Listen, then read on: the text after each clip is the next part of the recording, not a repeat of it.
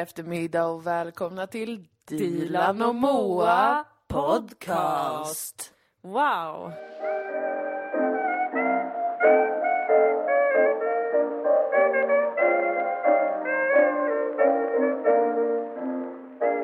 Avsnitt 92. Ja, Det, snart är det det hundrade avsnittet av den här podden. Då måste vi hitta på någonting. Vi måste göra något spexigt och kul och... Ja, Oj, jag det, har blir varit så my- ja, nu. det har varit så mycket med Spex och kul. spex och kul Ja. och sådär nu så att det, det blir antagligen ändå inte förrän nästa år vi upp, kommer upp i avsnitt 100. Nej, jag skulle inte tro det faktiskt. Precis. Med tanke på våran utgivningstakt. Den är väldigt, den är som en katt. ja. Eh, ibland är den närvarande och, och kärvänlig och Ja. ibland är den borta bara i flera månader. Exakt som en katt faktiskt. Ja, det är en stark liknelse. Otroligt stark metafor. Hur mår vi idag? Eh, vi mår bra idag. Mm. Jag har haft en eh, så fantastisk helg. Mm. Så att idag mår jag bra. Jag till och med... Alltså jag har gjort sådana saker idag som jag hatar att göra annars. Ja. Jag har planterat en blomma. Ja. Jag har redovisat lite kvitton. Jag satte mig på cykeln och cyklade till Triangeln för att köpa kontorsmateriel. Ja. Det är inte likt mig att göra sånt utan att gnälla väldigt mycket först. Inte ett knyst har jag hört. Nej. Stark. Jag har bara gjort det. Jag har känt en sån kraft inombords. Att så här, jag, de här sakerna kan jag bara göra. Mm. Och sen känner jag mig duktig. Och så gjorde jag en lista också. Det gör jag ju någon gång i kvartalet. Ja. Att jag gör en fysisk lista över saker jag Jag behöver göra. pirrig och glad av att se det för jag älskar ju listor Ja. i, egentligen i vilken form de än kommer. Så Ja. jag, jag blev riktigt glad när jag såg Ja, det var du upp på Instagram kul. där. Jag har strukit över allt från dagens lista förutom en sak. Och det är att ikväll klockan 22.50 titta på kanal 1 och se avsnitt Mm. 3 av Sagan om Dilan och Moa. Ja, det kommer ju jag också göra. Ja, vad Antagligen. härligt. Om jag inte somnat. Nej, det är ju lite för sent det är för faktiskt dig. lite för sent för mig.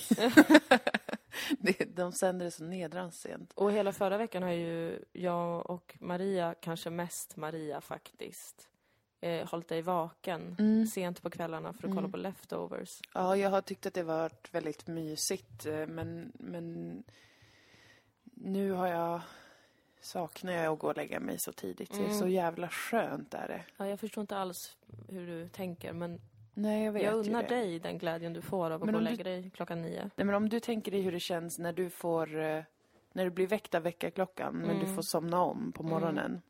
För du måste inte gå upp. Mm. Så är det för mig på kvällen. Eh, jag somnar till liksom framför tvn. Ja, Och så inser jag att jag får gå och lägga mig. ja, Och sova hur länge som helst, typ. Alltså flera timmar. ja. Den, den känslan är för lockande. Är ju... Ingen tv-serie ens, alltså även då jag älskar tv-serier. Inte ens en tv-serie kan vara mer lockande än känslan av att bara, jag får bara gå och lägga mig. Jag kommer vara varm, Ja. lagom varm. Mjukt kommer det vara. Eh, jag kommer sväva iväg Mm. och vara trygg.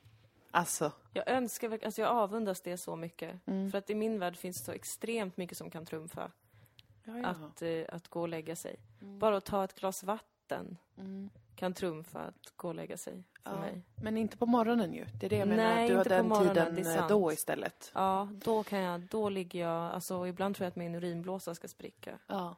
För att jag vägrar gå upp. Mm. Om, jag, om jag vaknar kanske en timme innan jag ska gå upp. Men jag vaknar för att jag är så fruktansvärt kissnödig. Ja. Då, då startar en kamp mellan mig och min kropp. För att jag inte vill gå upp. Så. Då känner, då, då vet du hur det är. Ja, men, men jag förstår. bara, vi har det vid två olika tidpunkter på dygnet. Precis. Men hur mår du idag? Eh, jag mår bra. Jag tror jag har en begynnande förkylning Ja. igen. Andra gången den här hösten, vilket gör mig irriterad. Den är inte så farlig, men jag har haft ont i höger sida av mitt ansikte, i bihålan och sen Ja. ner i facet. Så igår trodde jag att jag hade fått bältros. Det har jag inte. Nej, Utan det är ju mer troligt det helt vanliga förkylnings... Att man är förkyld då. ja precis, att det är vinter. Mm. Jag har också börjat få eh, mina eksem. Ja, kallt har det blivit. Ja, Jävlar vad kallt. Oj, oj, oj. men det är kul att man har en så reaktiv kropp tycker jag. Mm. Det händer mycket. Den skriker så fort temperaturen ändras med en halv grad. Ja, nu är det riktigt kallt och... Nu, nu börjar den här, alltså liksom äckliga tiden i Malmö Ja. För det har varit en så vacker sommar. Och vacker höst, verkligen. Alltså otroligt vacker Mm. höst har vi haft på Möllan. Mm. Fantastiskt vacker. Alltså knappt någon som skriker på en på stan. Mm. Bara massa vackra höstlöv. Knappt ens några plastpåsar som har susat runt utanför. Bergsika. De har gjort något åt det, verkar Ja, som. vi har oklart vad, men det har varit en underbar harmoni. Ja, ja. Det har det varit faktiskt. Och nu kommer väl vintern då. Ha, Ja. ska man dö? Mm, min flyktinstinkt är stark, men den har Ja. varit på topp ganska länge alltså. Ja, för att jag har har varit stressad så mycket och då får jag en extra dimension av flyktinstinkt. Ja. Alltså jag tänker att jag måste fly från min tillvaro. Inte för att något är dåligt, men bara för att eh, upp i varv. Lite sådär. Ja. Jag känner mig, ja, och nu när vintern kommer då känner jag verkligen, åh jävlar hörni. Så här kan man ju inte ha det. Nej. Sitta och frysa så hela tiden. Och det är inte. grått och äckligt. Och så kommer det bli blött snart också. Mm. Men som vanligt så kommer jag fram till att det finns ingenting där jag hade trivts bättre. Men det är väl en underbar insikt? Det är det. Jag vet inte hur sann den är. Jag tror den är väldigt sann, för jag vantrivs ju om jag inte känner folk, om jag är på en ny plats Ja, eh, och så vidare. Så att det är antagligen sant att om jag skulle fly under vintern ja. Till någon annan plats, då skulle jag antagligen få en kris av det. Men du, det, det, det du ska göra är väl att, att bara bona om dig Mm. och förvandla ditt rum till eh, något slags eh, alltså, tropiskt landskap. Som när man går in på en sån, en sån som jag var på i Göteborg när jag var alldeles ensam. Och du var, du var med din familj då. Då gick jag helt själv. Mm. Gud vad duktig jag var.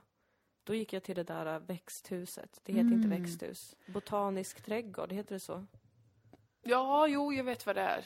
En, ett hus med olika rum, Ja. i olika klimat.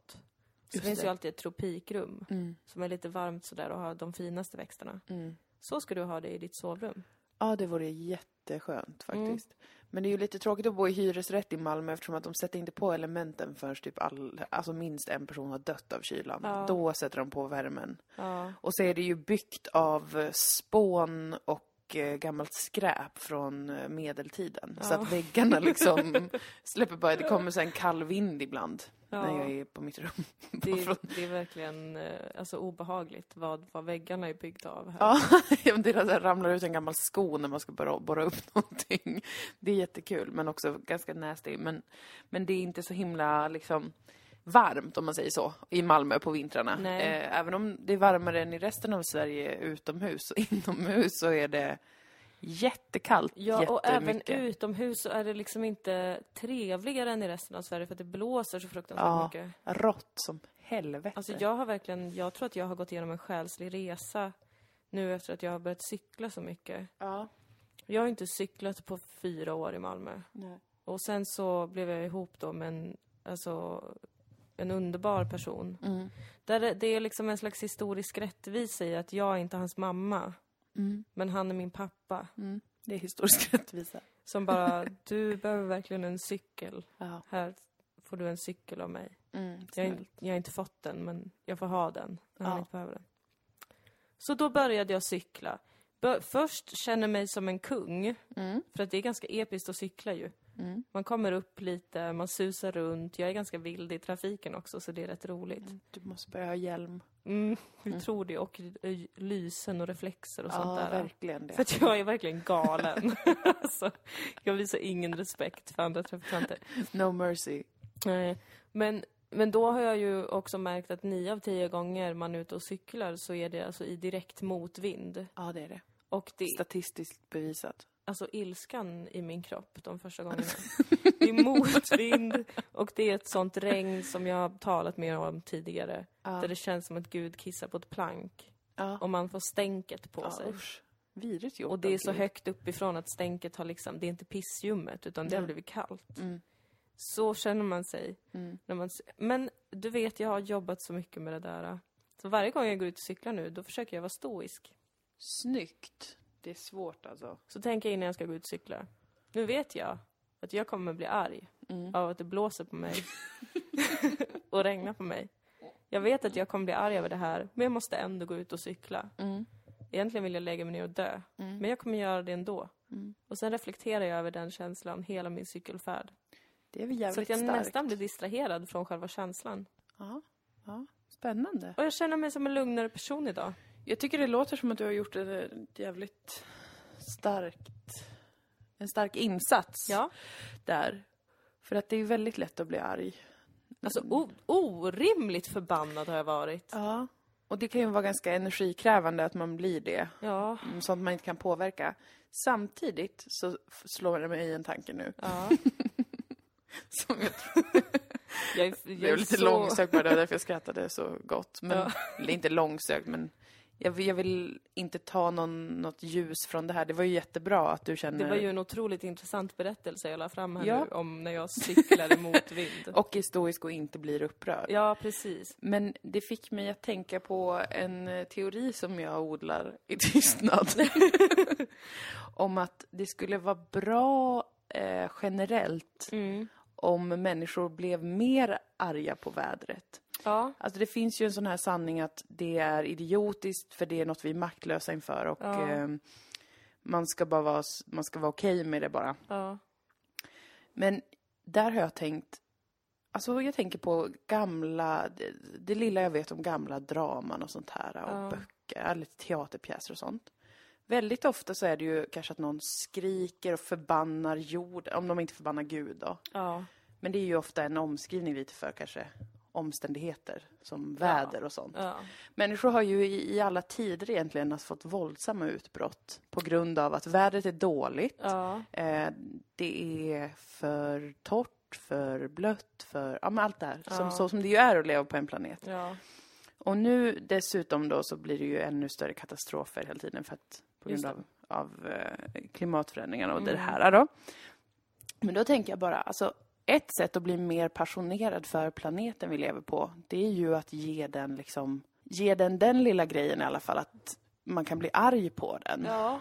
Alltså det, jag tänker att det skulle kunna nästan skapa ett närmare band, du vet som i en familj där man, där man bråkar mycket men det är Mm. ett tecken på att man liksom, man bryr sig om varandra ändå. En sån familj. Ja, för att efter att man har lärsat ut sådär Ja, så får man ju alltid lite dåligt samvete tycker jag. precis. Och det är ju också viktigt när det kommer till vädret. Mm. Ja, man kanske då blir, alltså man ställer sig ute på gatan och skriker ett avgrundsvrål Ja, för att det kanske haglar. ja, Och sen kommer man in och får lite dåligt samvete och tänker, "Ah, ja, men tänk om det aldrig haglade. mm, Vad skulle jag göra då? precis. Att man kanske kommer in i den loopen lite. Ja, man kanske kan, kan känna sig mer eh, liksom som en del av någonting. Ja, Om man, om man får eh, tillskriva planeten, alltså vädret och det här, ja.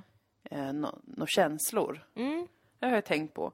Att det vore liksom, eh, kanske på ett sätt positivt, att inte vara lika detached, som det heter på engelska, men på svenska heter det alltså frånkopplad. men det känns ju som att man försöker frånkoppla sig från vädret i Sverige idag. Här är en spaning som jag...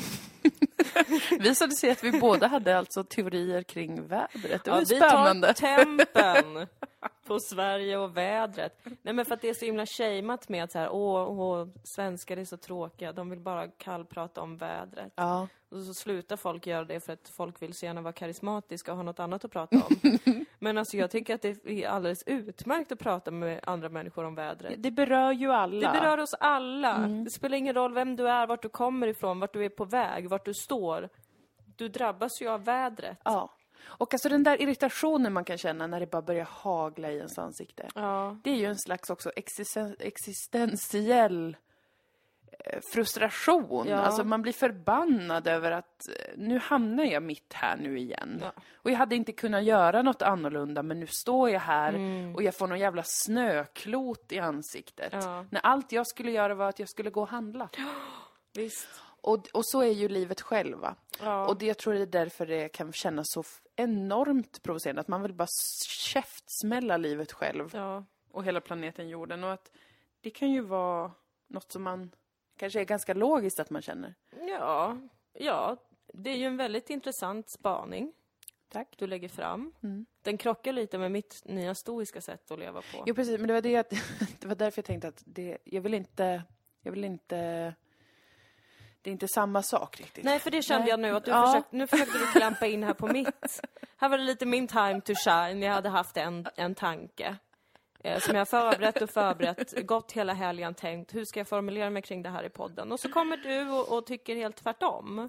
Men jag stödjer ditt stoiska sätt. Tack. Eh, det var som gången när jag bestämde mig för att jag inte skulle bli arg över att eh, en brödskiva hade fastnat i brödrosten, Ja. som du säkert minns. Ja, för du har också om. haft din resa med stoicismen ju. Jag respekterar stoicismens, Mm. vi- vissa delar i den, alltså mycket intressant. Ja. Men eh, det här med att bli arg på vädret, Ja.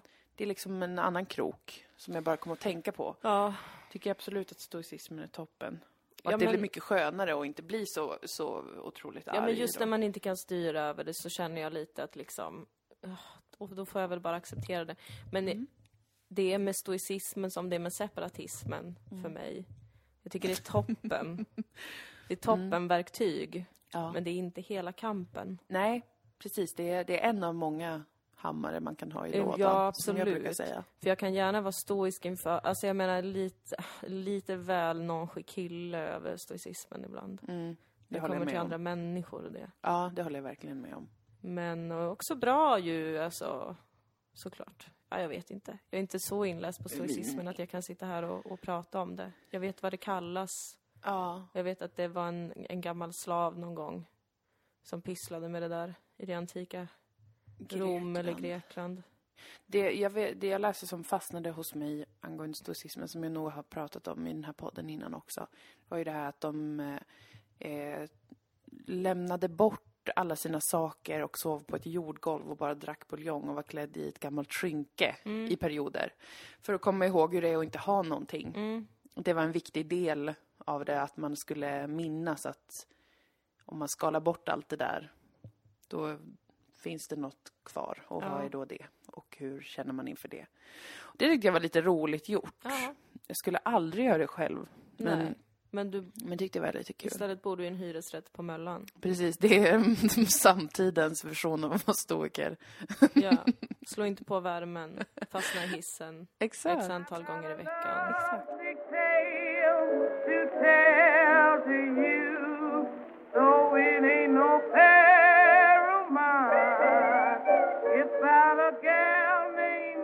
Jag ser väldigt mycket fram emot våran livepodd som vi ska göra i Göteborg.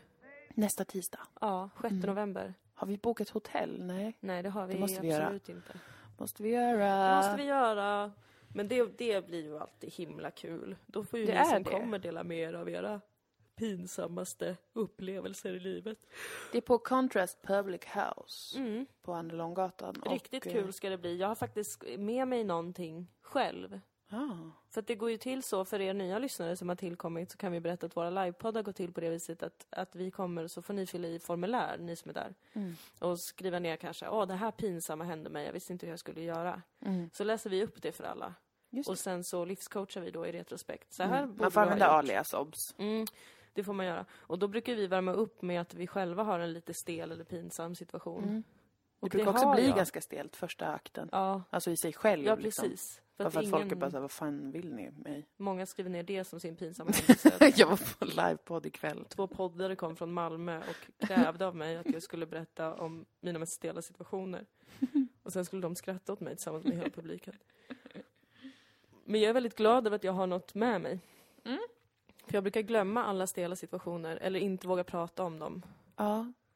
Ja men det är jättebra. Jag måste för- också försöka komma på, Ja, för jag brukar också glömma dem. ja, Ett effektivt psykologiskt vapen.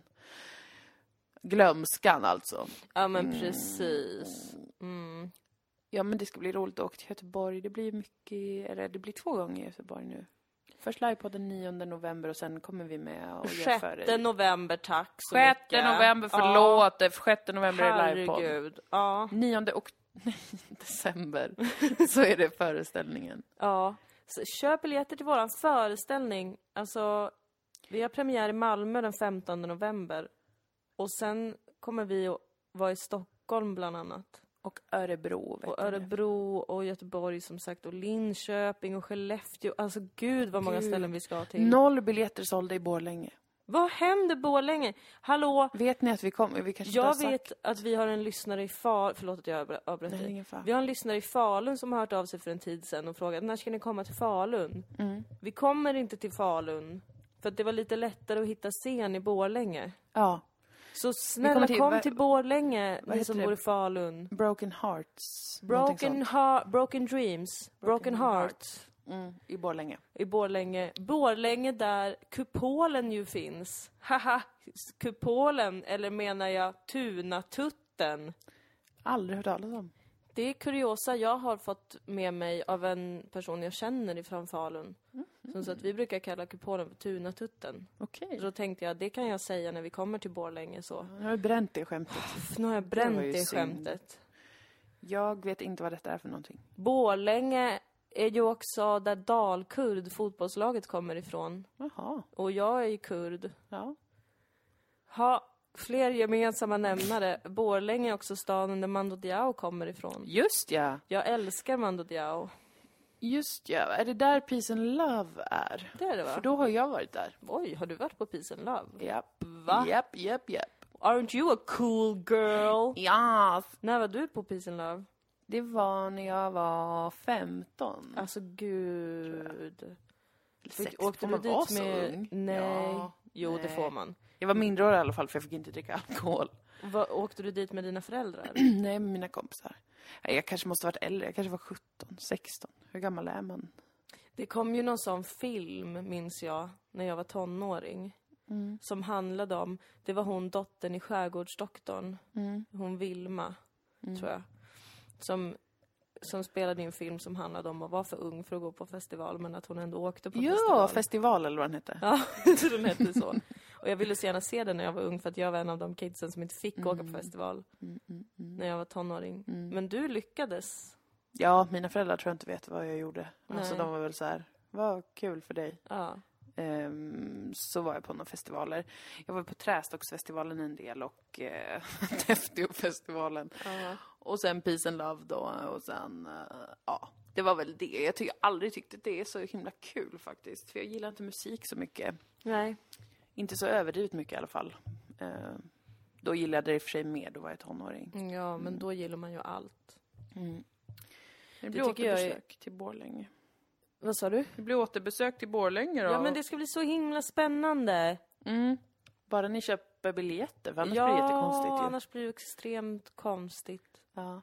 Kom ihåg att våran inkomst hänger på er. ja, det är också. Om ni inte vill köpa för att ni vill gå så kan ni köpa av, av eh, hänsyn till vår privatekonomi. Ni kanske inte gillar specifikt våra föreställningar, men ni kanske uppskattar podd och TV. Ja. Då vet ni att det finansierar, finans, finansierar ni också genom att köpa biljetter till våra föreställningar. Sant. Ja, Sant. ja, men man måste, man måste få med sig hela bilden som Ja. kulturkonsument. Ja, så är det. Ja, Ja. så är det bara. ja. Men köp in på Tixter. Sök Ja. på Dilan och Moa så kommer ni hitta Dilan och Moa bjuder in till Initiativ för psykisk hälsa som våran föreställning heter. Ja. Premiär i Malmö 15 november! Och den är säkert klar snart. Föreställningen? Ja. Mm.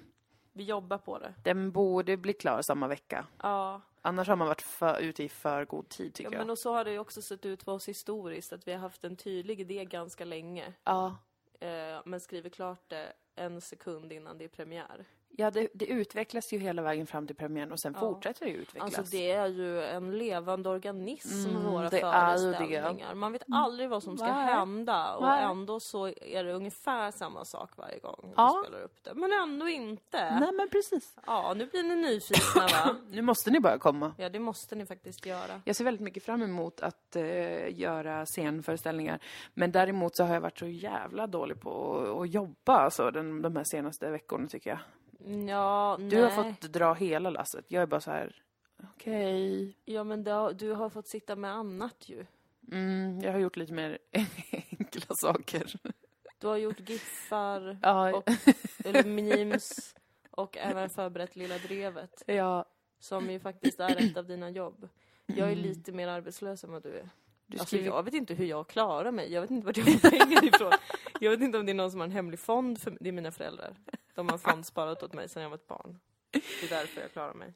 Ja, men Alltså det... jag har ingen aning om hur man klarar sig som kulturarbetare i det här landet. Nej. Men jag gör det.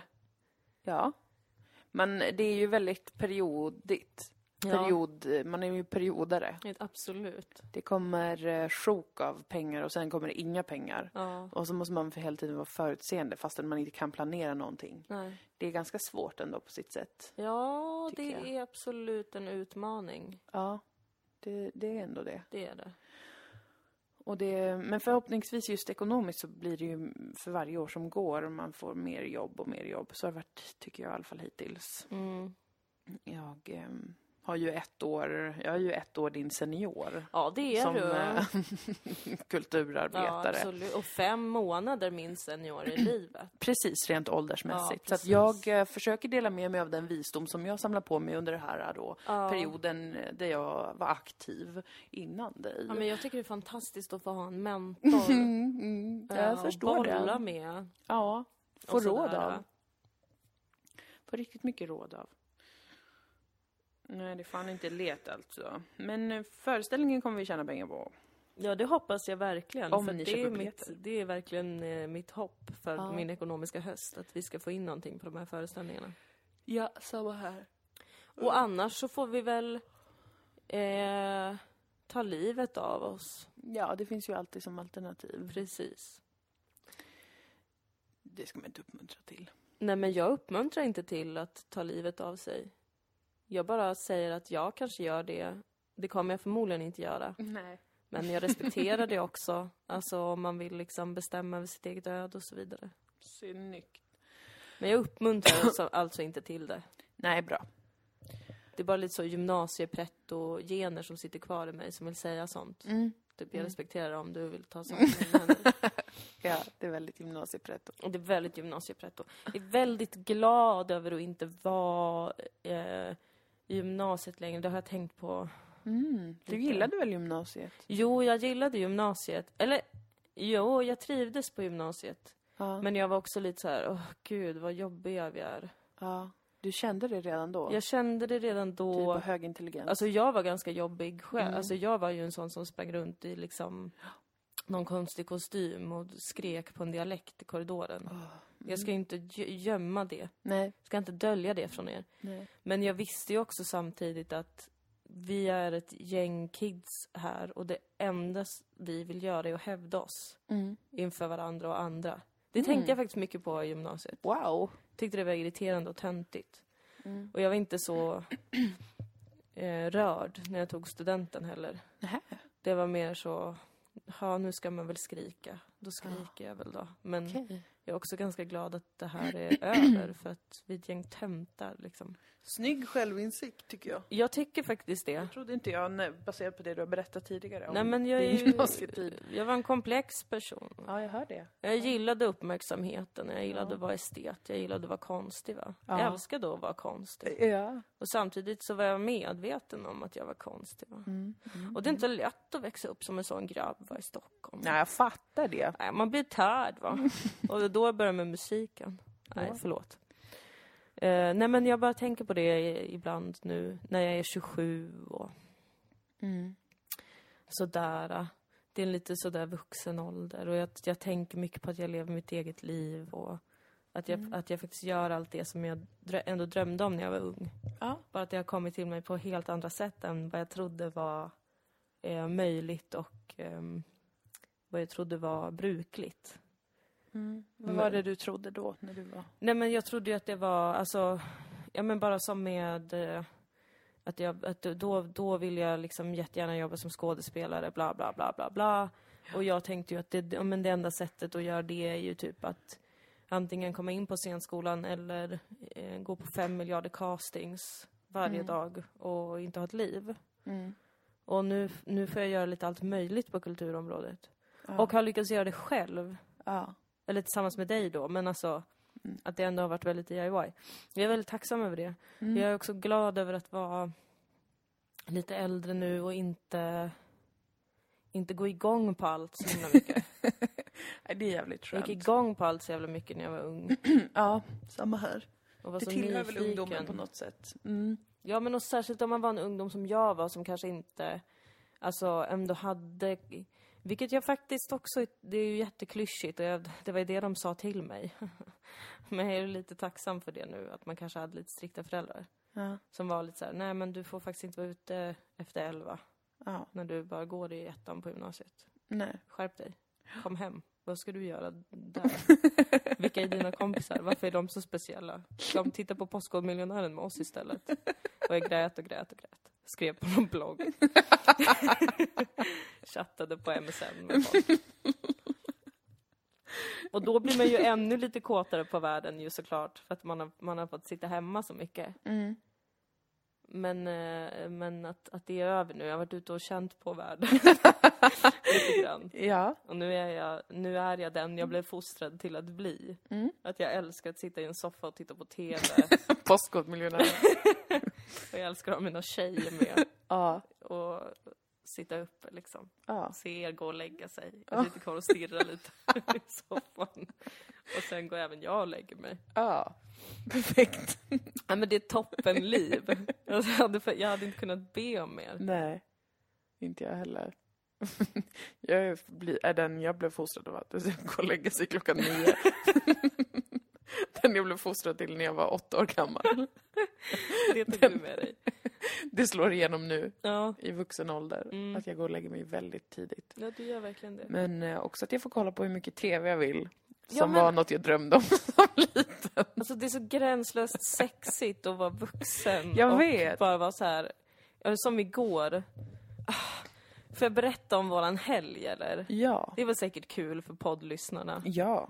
Eh, nu kan ni låtsas att alla vi är kompisar och bara sitter på en tjejmiddag och pratar om vad som har Ja. hänt. Nej men för att, alltså vilken fantastiskt underbar helg. Mm. Jag var och åt middag på fransk restaurang Mm. i fredags med min partner. Mm. Det var lite stelt. Det är lite pinigt på restaurang ibland. Ja, men jag är otroligt stel på restaurang. Man känner sig så synlig på något sätt. Ja, och det var också en del av min uppfostran, att man gjorde väldigt klart för mig att jag kommer aldrig klara mig på en restaurang för att jag äter så vidrigt. Det gör du inte. Det Jag gör, jag gör, inte, jag gör det ibland. Men så är jag lite så nervös när jag är på restaurang och så är min kille så himla världsvan för att han har jobbat inom restaurang så himla mycket. Och han har så himla bra hållning så att det är liksom... han är en sån perfekt restaurangbesökare som bara är superchill och stilig jämt. Medan jag är så neurotisk och försöker inte bita på naglarna medan jag äter mat. Och sen så var vi på en murder mystery fest i lördags. Det var Det var superkul. jättekul. Och då visste jag, alltså hör här på vem jag har blivit. Ja. Då visste jag att vi kommer vara bakis på söndag. Ja. Och det här är något som du och Maria är väldigt bra på. Mm. Att man laddar upp hemma med lite snask Mm. och läskeblask och annat så gottis. Ja. Så att man har det på söndagen när man är bakis. Japp. Då gjorde jag det! Ja. Ja, jag bestämde med min kille. Mm. Uh, kräks snart. Nej. Men Kalla han för din kompis om det känns obekvämt. min mansvän och jag bestämde att vi ska ha Club Sandwich-material hemma. Ja. och kolla på massa filmer tillsammans. Ja. Och så gjorde vi det. Och då igår så kände jag bara så här. "Åh, jag älskar att vara vuxen! Ja. För jag kan gå på ICA och jag känner ändå så pass bra att jag kan plocka på mig en extra ingrediens om jag vill ha det. Köpte naturgodis. Vem ska stoppa mig? Absolut ingen. Alltså, jag skiter i om naturgodis är dyrare än lösviktsgodis. Nej. Jag vill ha fucking jordnötstoppar. Ja. Jag köper dem. Ja. Ha. Otroligt. Har vi kollat på tre filmer? Ja.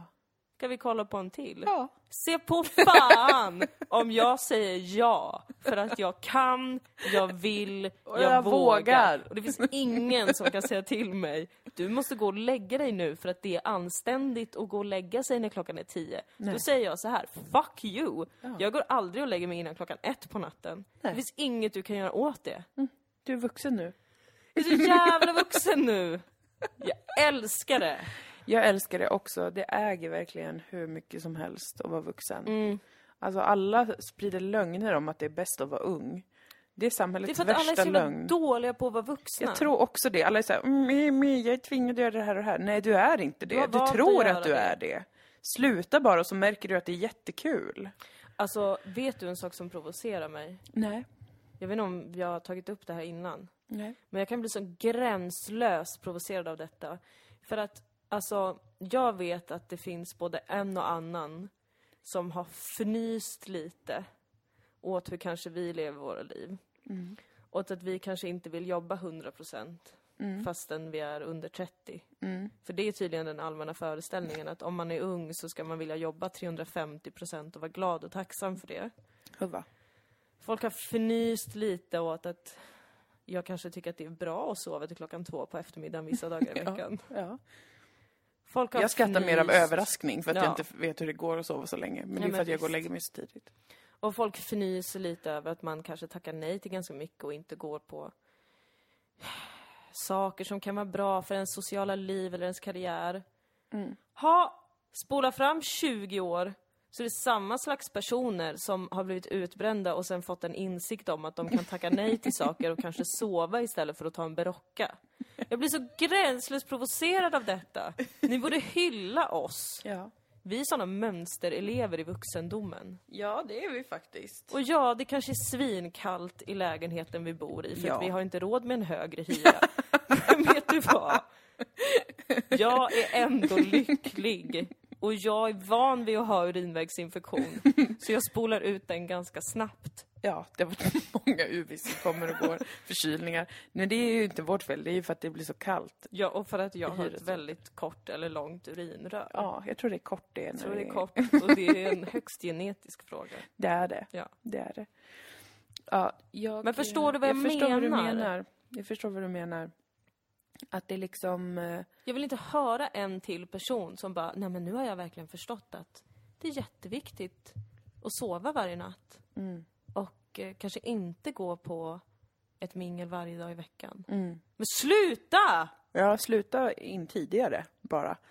Det är ganska så lätt att sluta med saker tycker jag personligen. Men vissa tycker ju inte det då. De, de känner som att de måste göra massa saker. Det kan i och för sig lite relatera till att man känner att det finns så här... äh, ett sätt att göra saker på som är bäst. Ja. Att det förväntas av en.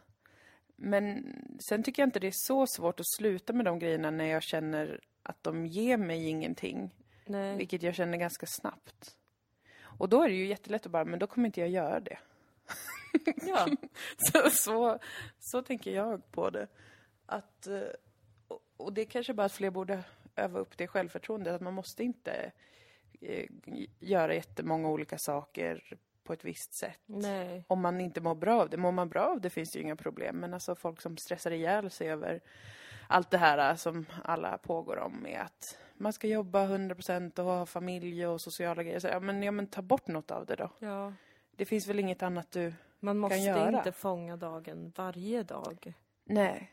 Och man... Eh, det finns liksom den, de kraven är ju också föreställningar. Man kan ju testa i alla fall om inte annat. Så som man, folk testar ju väldigt villiga att testa till exempel en diet. Mm. Det känns som att så himla få är villiga att testa hur det är att bestämma sig för bara att man inte ska gå på ett enda evenemang. Ja. Eller testa hur det är att jobba 80% istället för 100. Om man det nu inte är en sån person som, eh, som eh, alltså kanske älskar att gå på tillställningar och mår, mår väldigt bra av det och mår Ja, jättebra av att vara utåtriktad och social hela tiden. Då ska man göra det. Jag bara menar att det känns som att det finns väldigt många människor som, som blir utbrända bara av, av livet självt. Ja, För att de fyller det med så många saker ja. som man inte måste. Nej, precis. jag håller med dig. Jag har också tänkt på att det känns som att alla som har HSP är utbrända. Mm. alltså highly sensitive people. Ja. Och jag har sett lite artiklar och sånt och så olika kända människor som har blivit intervjuade och så är de så, ja men jag hamnade i ångest och depression och utbrändhet för jag hade 350 miljarder olika projekt och sen insåg jag att jag var högsensitiv. Jaha. Men det kanske, det kanske inte är så att du är högsensitiv, det kanske är att din kropp skriker rakt ut i protest över att du gör för mycket. Ja, men precis. Alltså jag, jag har nu inte jag läst någonting om det här HSP, bara skämtat om det för att det känns eh, spontant, intuitivt som eh, precis så. Som bara ett ord som låter mer medicinskt men som egentligen är ett begrepp som, eh, alltså som bara kanske klassificerar människor som Alltså det är väldigt vanligt till exempel att om man blir jätte, får jättemycket yttre stimuli Ja, så blir man trött och om man då inte återhämtar sig så blir man väldigt känslig för ljus, ljud, allt det här. Det är inte liksom en diagnos utan det är hur en, en väldigt stor mängd människor faktiskt fungerar. Ja. Så därför så, eller så tänker jag att det är, eh, för det är väl inte en diagnos, alltså det går inte att, det går inte att liksom, det är inte som det. till exempel ADHD som faktiskt är en, en medicinsk... Nej, men det kan det inte vara. Nej, det är inte det, för då hade men det ni inte... hör ju hur lite jag själv vet om det också. Det, Det var känns- bara en tanke som slog mig när jag än en gång såg det här va. Med liksom någon extremt högpresterande person som har, har kommit fram till att den är HSP och då, då är det lugnt för att det var därför allt var så jobbigt. För att man bara känner allt lite mer. Samtidigt som den person liksom i samma andetag berättar om 18 nya projekt den håller på med. Ja. Det, det kändes som ett konstigt men intressant samband. ja, men det är väl ett, att det ordet, eller det begreppet, gör det möjligt för de personerna kanske att erkänna att de är, inte klarar av Ja, det tempot. Ja, Alltså istället för att säga så här, jag klarar bara inte av typ att göra jättemycket grejer. Ja precis, Jag har en psykiatrisk om man sårbarhet är, om man är normalfungerande så, så är, är det, blir det ju konstigt om man säger att man inte klarar av vissa saker. Ja men precis. Så då är det lättare om man, om man får använda ett ord som låter lite som att det är typ att man har varit hos läkaren och den har sagt det till en. Så är det mer okej då, för då är det inte då handlar det inte om ens prestation utan då handlar det om att man faktiskt inte kan det ena eller andra på grund av en då, medicinsk eller en, en sårbarhet. Sådär. Att man ska vara så känslig mot social press som människa, det tycker jag är svårt. För jag vet själv hur det är, alltså när man är, för jag tycker att jag är ganska normalfungerande. Men jag tycker också om att säga nej till aktiviteter. Och vara så att har jag, har jag har jag behövt gå ut till en affär kanske på en ledig dag, då, f- då, finns, då krävs det mycket för att jag ska vilja gå ut och göra något annat på en ledig dag. Ja. Men att det också kan mötas med nästan, alltså aggression från andra människor. Som tycker att det är så jävla irriterande att man säger nej så ofta. Ja, okej. För att man borde ju vilja eller man borde klara av det eller whatever. Och det är ju ganska jobbigt faktiskt. Ja, Eller jag tycker inte det är så jobbigt längre, men jag förstår om man tycker det är så pass jobbigt att man kanske måste... att man pressar sig till att göra Ja, så, och sen då då. blir HSP. Ja, precis. Man har blivit socialt terroriserad. Men det är också, jag tycker att det är... ehm, jag har inte några sådana människor som skulle vilja pressa mig på det sättet. Men det är kanske för att jag har varit så himla bestämd med det där sen jag var rätt ung ändå. Alltså jag har varit bestämd på det sättet att jag blev kliniskt deprimerad. alltså, jag är väldigt tydlig med att eh, ingen, inget har något att säga till om Ja. gällande den här grejen. Att jag eh, i perioder inte vill gå ut. Ja.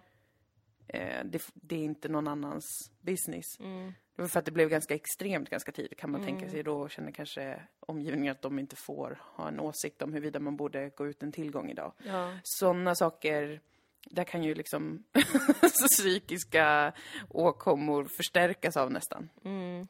Alltså att eh, man använder sig av det då för att kunna ha en förklaring, precis som med att använda sig av ordet HSP kanske. Men typ så här, nej men jag har ångest, jag kan inte göra det. Och sådär. Mm. Ibland så stämmer det och ibland så är det kanske för att det är ett, det enda sättet att bli lämnad i fred Ja. och få göra sin egen grej. Som man ändå någonstans intuitivt vet att man behöver. Eh, om man inte är självdestruktiv, för då, då är det något helt annat. Men jag tänkte på det där med att eh, gå ut och sånt där och göra aktiviteter och så. Mm. Det har som, jag har inte upplevt att någon har haft en åsikt om. Eh, alla mina närmsta vänner och familj, liksom. Mm. Ingen har, har haft en... Men jag är också falsk mot, på ett annat sätt än vad du är. Hur då? Du är ganska ärlig i ditt uttryck med vem du är och vad du behöver. Jag försöker vara i alla fall för att det har varit mycket med det där. Ja, jag försöker också vara det, men jag kan vara lite för trevlig ibland. Mm, Att jag gärna vill bekräfta andra. Och så verkar det som att jag kanske vill mer än, än vad jag vill. mm. Men, jag, men det Falskt låter hårt, det låter ju mer bara som mer socialt kompetent. Ja, Det är väl ett tvåeggat svärd. ja precis. Nej, men så allt. är det ju. Så är det ju absolut. Men jag tycker med all den här, det kommer ju ganska mycket nu, eller ganska mycket, det är väldigt mycket snack om stress hela tiden, tycker jag. Av det jag läser och hör. Och eh, hur stress påverkar människor ganska så jävla extremt i många fall. Alltså att man verkligen kan bli sjuk. Men jag, jag tänker bara på att det är lite konstigt att all den forskningen, den stämmer ju, eller vad man ska säga. Det är ju sant, typ att långvarig stress, eller snarare brist på återhämtning, Mm. eh, kan göra en människa sjuk. Alltså Mm. att man kan få ont i sin kropp och man kan få, alltså hjärnan börjar spöka, man tappar sitt, sin talförmåga och sitt minne och så här. Alltså det är väldigt eh, brist på återhämtning eh, och långvarig stress och där är verkligen påverkar den medicinskt eller vad man ska Mm. säga. Påverkar den i, i storhet. Vad säger man? I helhet. Eh, men att allt det kommer, så att säga, den forskningen. Och Mm. samtidigt, parallellt med det, så är det som att det ändå inte ska vara riktigt legitimt att försöka undvika stress. Nej. Alltså jag tycker att det känns som att det är två, två spår som löper parallellt men som, som har i allra högsta grad jättemycket att göra med varandra men de, de nuddar liksom inte varandra. Nej. Att det är så här, det stämmer, all forskning tyder på det, att det faktiskt är ett stort samhällsproblem också människor stressar så jävla mycket för de blir sjuka av det. Mm. Och samtidigt är det som att så här, eh, människor måste hitta på att de är sjuka på andra olika sätt. För att slippa stressa. Ja, för att slippa stressa. Ja men visst, istället för att kunna säga nej men det här vill jag inte göra för det gör mig stressad och det är ju livsfarligt att vara Ja, stressad. precis. Uppenbarligen så vill väl ingen att jag ska vara svinstressad. Jag behöver återhämta mig. Ja, Jag vill inte vara med på det där för jag behöver återhämta mig. ja. Typ.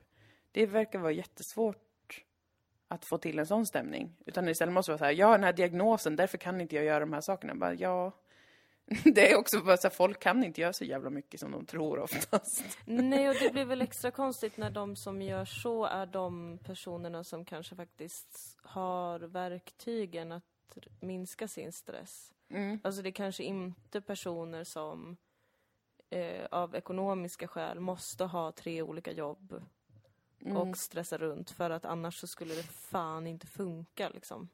Just det. Du tänker på influencers och olika kändisar och sånt där som håller på? Ja. Ja. Nej, precis. De, där tänker man ju att det borde finnas något sån här ändå ekonomiskt svängrum att eh, coola ner lite. Mm. Eller åtminstone typ inte vara lika aktiv socialt. Borde inte vara omöjligt. De skulle inte förlora allt för det. Nej.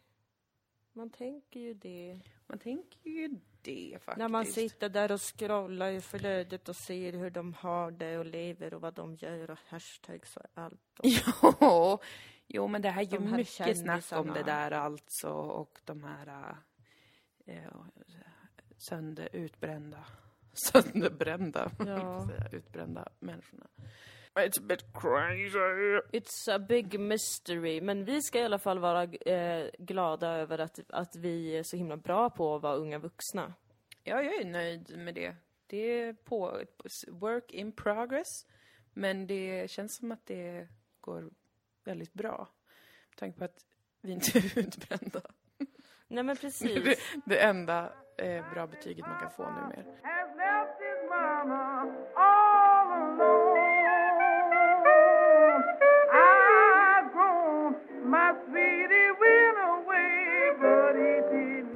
spelat in en hel timme. Jävlar, vad fan har vi pratat om ens? Vädret mestadels. Vädret. Just det. Och även vuxenlivet och ungdomen och samtiden. Just det. Allt Vilken det fantastisk podcast. Verkligen. Jag smäller av. Täcker in alla livets områden. Ja. Jag känner mig lite vimmelkantig i huvudet, men jag ska gå på spinning. Ska du gå på spinning verkligen om du är förkyld? Ja. Är inte det eh, farligt? Nej, inte om man inte har ont i halsen. Okej. Och det har jag inte. Jag har bara lite täppt i bihålorna som har Ja. gjort att jag har haft ont i ansiktet. Jag har börjat tro att all träning är farlig som en ursäkt till att jag själv aldrig tränar. Fastän min kropp skriker efter det. Nej, det är ganska sällan det är farligt. Ja. Men eh, man ska inte träna om man är sjuk eller håller på att bli och har ont i halsen och sånt där. Har jag lärt mig då. Men annars så är det, det kan ju bara hjälpa immunförsvaret att träna. Jo, det... Inte medan man är sjuk självfallet, men annars. Men jag känner mig så här... Mm, eh, ja, jag, jag, jag, jag behöver verkligen gå på spinning ganska ofta. ja. Det är så jävla sjukt, för nu har jag haft en ganska lång period av det jag styrketränat istället. Och jag tycker det är så jävla mycket roligare. Mm. Men så fort jag blir det minsta stressad så går inte jag om jag inte går på en gruppträning ja. Så därför så funkar inte styrketräning i några längre periover. Du behöver Utan- gemenskapen som spinning erbjuder. Ja, det är någonting med att vara bland folk och, och bli tillsagd vad man ska göra. Mm. Som minimerar liksom antalet beslut jag måste ta. Mm. För att det är det jag inte orkar. Det, för mig tog det ju fan 24-25 år innan jag kunde börja ta beslutet att faktiskt träna. Mm. Och det är fortfarande, nu går det ganska mycket av sig själv. Mm. Att jag känner att jag verkligen vill träna. Mm. Eller att jag i alla fall inte, inte vill träna. det är mer Ja. så. Men jag vill inte ta några fler beslut sen. Alltså förutom när jag är väldigt i zen och är ostressad. Ja. För när jag inte har så mycket att göra och sånt där, då kan jag tycka att det är kul som ett hobbyintresse att bli starkare till exempel. Just det. Men så fort jag har mycket att göra eller många olika saker i huvudet, då är det ju det första jag prioriterar bort och det är alltid det som faller bort först. Och då är det bara spinningen kvar. som står stark när allting faller. Det är liksom, eh, det är den enda form av träning som någonsin har hållit mer än tre månader. Jag har, hållit på, jag har gått på spinning alltså i typ fyra år. Ja. Det är helt, det är helt sjukt. Dina memoarer kommer heta Spinningen står kvar. Och mina kommer heta faller. Cykla i motvind. Ja. Och jag ser fram emot att läsa båda verk. Eh, det gör inte jag. Det, jag gör verkligen det. Det kommer bli helt fantastiskt. Ja, det blir väl ganska bra om jag Men då får du den. gå på spinning. Och jag ska, får väl gå ut med hunden då. Ja, du får unna dig en riktigt skön promenad med hunden i den här iskalla Malmövinden. Jag ska gå ut och vara riktigt oberörd av vädret. Stoiken. Mm. Eller om du, får, om du får den där överrumplande känslan, bara skrik rakt ut och förbanna jorden. Jag vågar inte göra det för då kommer vår hund få ett psykbryt. För Det är att sant. hon blir redan otroligt exalterad över vind och löv. Ja, hon är verkligen eh, fylld av vördnad inför planeten. Alltså hon vill bara leka med hela planeten jämt. Hon är så söt. Hon är otroligt söt. Himla gulle. Men eh, gå in på vår hemsida www.dilanocmoa.com Mm. eller följ vår Facebook-sida Dilan och Moa eh, så har ni koll på när och var vi dyker upp med våran föreställning. Mm. Och så finns det biljettlänkar där så att ni kan handla alla biljetter om ni vill. Ja. Det får man. Det får man Det verkligen. finns ingen lag mot det. Och kom ihåg det jag sa om våran inkomst och det, att det är viktigt att ni, att ni det. hjälper oss med den. Just ja. Och det är också viktigt att ni delar och sprider ordet om våran tv-serie. För nu känner jag att jag håller Ja. på att ge upp. Alltså inte ge upp, vi vet fortfarande ingenting. Men alltså jag har gjort så mycket reklam. Ja, Och jag har, jag har liksom tittat på den jättemycket och känt mig väldigt lycklig över den. Mm, Men nu börjar jag bara känna så här en bitterhet. Typ, jag orkar inte mer. ja, Någon annan måste sprida den. Den är... Den förtjänar mer. den förtjänar verkligen mer. Eh, och jag känner mig som en förälder som liksom inte, inte klarar av att bära det mer. Mm. Så känner jag nu. Så att eh, jag litar på er där Jag ute. känner att det är helt okej. För att jag visste innan att så här känns det när man släpper något. Och då tänker man så här, som alla skådespelare någonsin har sagt på Mhm. TV. Att de bara, åh, då trodde man ju att telefonen skulle ringa Ja. stup i ett. Så ringde det inte alls. Stoisk är jag även inför det här. Ja men det är bra, du får, du får vara stoikern för jag känner, jag är bara en hysteriker kring det. Eller jag, blir, jag känner mig alltså on the verge hela tiden av att bli bitter och konspiratorisk. Ja. För att jag är så här, Sverige, de, de vet inte vad som är bra. De, de förtjänar inte den här serien, vi borde inte ha släppt den. Nej, vi de borde ha sparat den för oss själva. bra. Det är därför vi måste ge Sverige tid. Ja. Sverige får så mycket skit hela tiden. Bara Mm. skit humor och skit livsstilsprogram och skitnyheter ärligt talat. Verkligen. Folk tror att de måste äta skit varenda dag. Mm. Och så kommer någon med alltså, eh, motsvarande då kanske ett ballerinakex Ja. som är fantastiskt gott och både krämigt och krispigt på samma gång. Och folk är bara så, vad är det här? Det är brunt men det smakar inte bajs. Mm. Jag blir misstänksam. Men sen så börjar de äta lite mer och mer i smyg. Och sen till slut så älskar de det så mycket att de bara ger upp och är så här, vet ni vad, jag älskar ballerina, fuck it, jag bryr mig inte ens om vad ni ska tycka om det, jag vill inte äta bajs längre. Jävligt starkt. Mm. Eh, Ja, ja, det låter bra. Jag hoppas att det är så. Och jag vill vara tydlig med att jag också är väldigt tacksam för all jättefin respons och att det här är en... Eh, min approach här Ja. som ni får smakprov på är ju någon slags... Eh, inte så charmig sida som jag ändå har. Så att jag, jag, jag, jag har fått så jävla jävla fin respons och eh, så himla många som hört av sig och jag är verkligen jätte, jätteglad över det. Ja. det. Det är bara liksom att det är en märklig sak och nu har det varit eh, tyst några dagar och då blir jag direkt eh, väldigt eh, Ingmar Bergmansk och jag... Den, Ja, den sidan har legat ju- skrämmande nära hela tiden. Du är verkligen en Bergman-person. Jag tycker det är så sexigt att vi inte längre bara är alltså, den kvinnliga motsvarigheten till Måns Möller och Özz. Utan att vi nu också är Ingmar Bergman och August Strindberg. Återfödda i två unga kvinnor som Ja, jobbar typ. tillsammans. Sånt eh, vredesutbrott över någon eh, total detalj. eh, Ja, som och går och svär och spottar som Ja. en galen narcissist. och jag är så, ligger och svettas i sängen på natten i något slags rus. Och tänker på någon gammal kärlek som har krossat mig en gång. Och hur jag egentligen ska kunna kommunicera med Merkurius. Typ. Så försöker jag rita någonting kanske. Skriva ett brev som jag aldrig skickar. Det är starkt detta. Det är så starkt. Men som sagt, mest vill jag säga tack till alla. Ja, tack hörni. Tack för att ni tittar och skriver och allt sånt där. Jag blir jätteglad. Dilan Jag med, Mm. vill jag vara väldigt tydlig med. Mm. Jag med. Ja. Och den ligger uppe ett bra tag till så det är ju Ja, bara... hinner kolla om och Den igen. har legat uppe två veckor så att jag ska försöka... att- Ja, just det, det måste man påminna sig om också. Ja, just det. Det har bara varit uppe i, nu går vi in på tredje veckan av Sagan om Dilan och Moa på SVT. Jag vill typ att Kulturnyheterna ska rapportera om den varje dag. Jag Ja. bara, varför inte... Varför har inte Kulturnyheterna gjort ett till reportage? Varför har de Eller inte plockat de upp gjort ett enda reportage? det här fantastiskt subtila skämtet ifrån avsnitt fyra och Precis. gjort, skrivit en essä om i Svenska Dagbladet? Varför har de inte gjort det för? What the fuck? Ja, frågorna hopar sig och en dag skall vi få svar. En dag skall vi få svar. Den dagen är icke till dag. Nej, det är inte det. För att idag ska du gå på spinning och jag ska gå ut med hunden Ja. och sen kanske jag ska kolla på The Walking Dead med Oj, Maria. vad trevligt. Ja. Jag ska också kolla på något kul. Jag börjat följa Bonde söker fru. Ja, Mer om det. Jag vill också säga att det finns ett svenskt tv-program som jag älskar Okej. Förutom Sagan om Dilan och Moa och det är ju Så mycket bättre som har börjat gå jämt på TV4 och Stor är med i årets säsong. Jag kommer inte gå in på det nu för vi har redan spelat in för länge.